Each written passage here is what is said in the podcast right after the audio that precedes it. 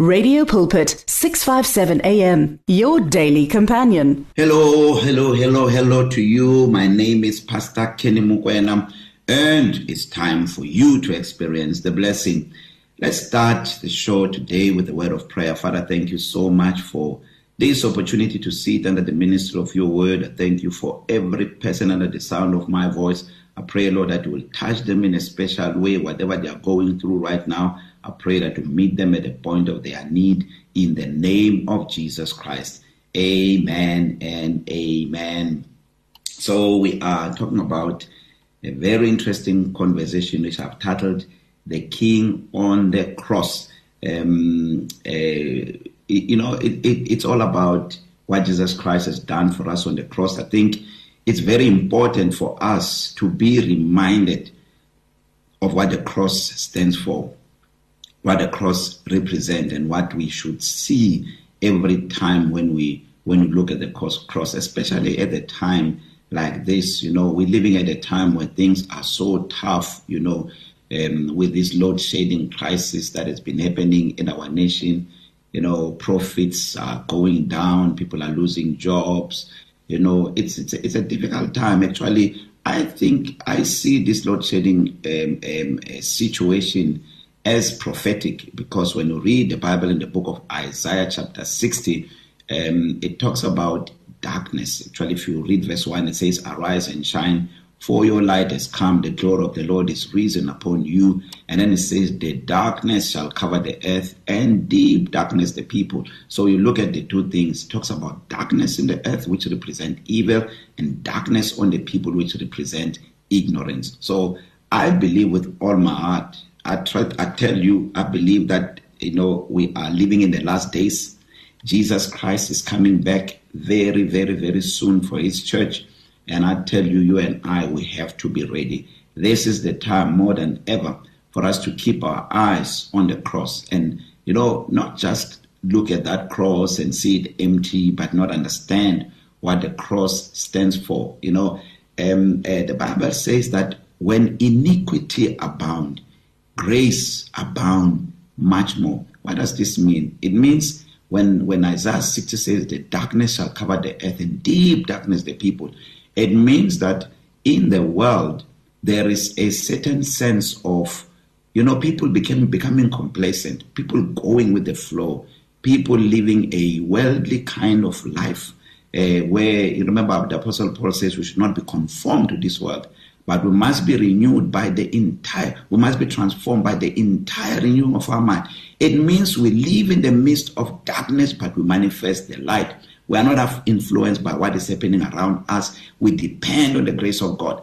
As iniquity abound, the grace of God abounds much more in our lives. Remember, one of the things that the grace of God means is the fact that God give us help in the time that we're living in. If you look at the right context when you look about the grace of God, the grace of God means God's ability working in us. Of course, we we sometimes interpret or uh, um, there another interpretation of the grace of God. It means God's unmerited favor that is available in our daily lifestyle. But when iniquity abounds and that grace becomes available to us, it means in the midst of darkness we manifest the light. That is what Isaiah 60 um, uh, is talking about. So we have to be aware of these times that we're, we're living in, and we have to be reminded constantly of what the cross of Christ represents. And it is at that cross where we find our strength to stand against sin. Remember, you know, one of the things that we need to understand about the, the cross of Christ, you know,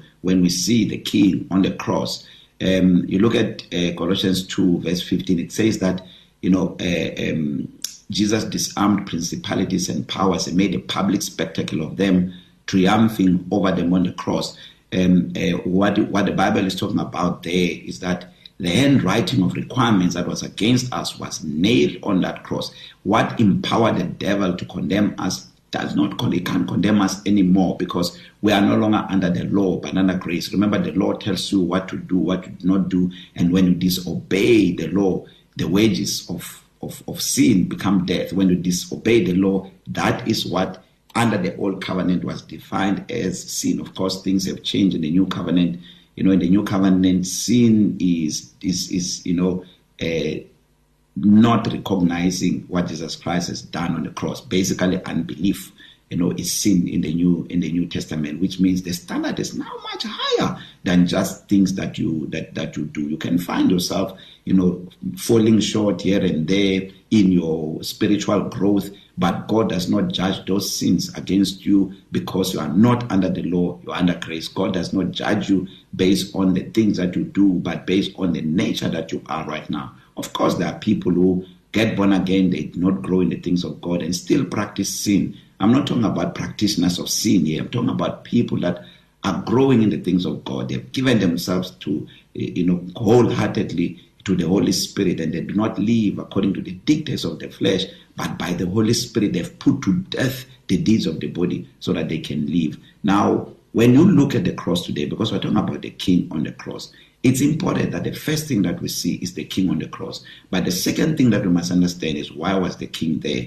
Uh, John 12 verse 32 says, "And if I, and if I am lifted up from the earth, will draw all peoples to myself." All people, because Romans 6:23 says the wages of sin is death, but the gift of God is eternal life in Christ Jesus. So here we see clearly that Jesus says, when I'm lifted up, meaning when he's on the cross, he will draw all people to himself. Why is he drawing all people to himself? It means that life is beating them up. Sin is harassing them. Sin is separating them from God. But when He is lifted up, He will draw all people to Himself, to Himself. So it is you and I who need to go to Him. And that's what we did for some of us who are born again. Um, we went we went to Him. He drew us to Himself. Um, um, so that when we are drawn to Him, we then take His nature and it takes our nature. Now we need to understand these two natures we're talking about. We have the, there is the nature of sin and there is the nature of righteousness. So remember, Second Corinthians 5:21 says, God made him, Jesus Christ, who knew no sin, to be sin. So how did he make him who knew no sin to be sin? He took our nature which we inherited from Adam and God put it on Jesus. And the Bible says that we might become, 2 Corinthians 5.21, so that we might become the righteousness of God in him. So meaning there is an exchange that takes place. When Jesus says, when I'm lifted up, I will draw all people to myself. It means people will come and surrender their nature to Christ and then receive his nature. That is why when we invite people to be born again, we tell them to receive the life of Christ because when you receive the life of Christ you, you you become empowered you know to live the life that he lives because he knew no sin but he was made sin.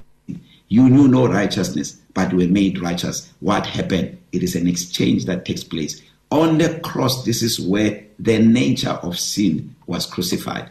One of the things i emphasize you know when i talk about the the power of the cross is the fact that you know, when you are a Christian, before you became saved, you were a slave of sin. You know, a slave does not do as it as it as it pleases. A slave is under the power of the master. Uh, if you look at Ephesians chapter 2, it tells us that God has made alive us alive who were dead in our trespasses and in our sins. It tells us that we're under the influence of the prince of the air, the spirit who works in the sons of disobedience. This means that no matter what we, we, we, we wanted to do, we could not do it because we're under a power. A person who's not, who has not received Jesus as Lord and Savior of their lives, that person is under the power or the influence of the Spirit, the Prince of the power of the air, the Spirit who works in the sons of disobedience. No matter what you can do, unless you give your life to Christ, you cannot break free from the control of sin. And that's why if you look at Colossians 1:13, it talks about the fact that after we got saved, God translated us, He conveyed us, He transported us from the dominion of darkness. I love how the Amplified Version puts it. It says, from the dominion and control of darkness to the kingdom of the Son of His love, in whom we have redemption through His blood, the forgiveness of our sins. So, meaning that when you receive Jesus as Lord and Savior of your life, at the cross, the nature of sin is crucified. That is why Jesus says, When I'm lifted up, I will draw men to myself. So when he draw men to himself, these are men of the flesh who come to surrender their lives, their sinful nature to him, so that they can their nature can be nailed to the cross. That is why every person who gets saved must go via the cross. You know, I, I, I have seen a, a certain trend, uh, and this is what sometimes bring a confusion on who is born again and who is not born again. Remember, when the children of Israel got out of Egypt, the Bible says the mixed multitude went with them. The mixed multitude went with them. There is a deep mystery in the mixed multitude. So, what this means is that in every church, you will find the righteous in the mixed multitude. The mixed multitude can either be those that are not born again or those who have professed Christ, but they all that it is is a profession of Christ. Because listen, when we talk about true salvation, true salvation comes from two things. One, you must believe that Jesus died on the cross. Jesus is the Son of God and He died on the cross for your sins.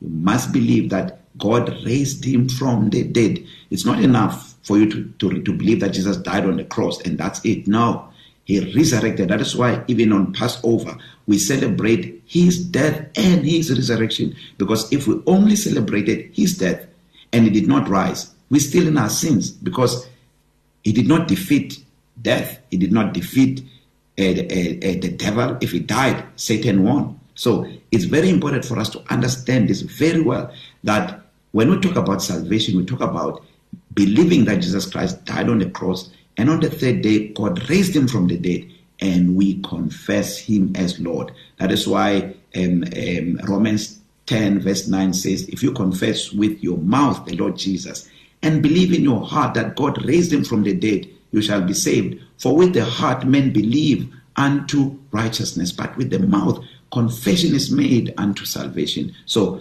uh, you believe in your heart, you confess with your mouth.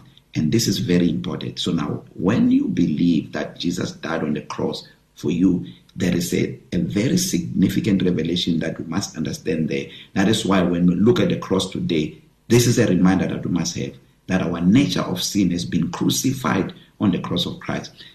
To give you a simple example of what I mean by the nature of sin, what is it that made us to be sin? It's not because we sin that made us sinful. No, it is because we're born sinners from the nature of Adam. So we sin because it's our nature to sin, because sinful people sin. But now, when we look at the cross, when Jesus drew us to himself, the nature of sin, just like a factory that produces drugs in a neighborhood, when a lot of people deal with just the, the, the, the, the drugs, you will not succeed. You need to deal with the factory that produces the drugs. If you deal with the factory that produces the drugs, you will not have to worry about children being addicted to drugs because the supply will stop. So that's exactly what happened on the cross. Our nature that produces sin is like the factory that produces drugs. That nature was shut on the cross when Jesus Christ died. So it's important for us to understand that it, it, it is not an external thing that happened that Jesus Christ died on the cross and then I believe that he died for me and then I confess him as my Lord. No, I must have the revelation and the understanding that when he died on the cross and when he drew me to himself, I surrender my nature of sin to be crucified on the cross of Christ. And when I receive, uh, uh, when I, because the Bible says, that we might become the righteousness of God in him. It means when I pass through the cross, I am no longer a sinner. I am the righteousness of God.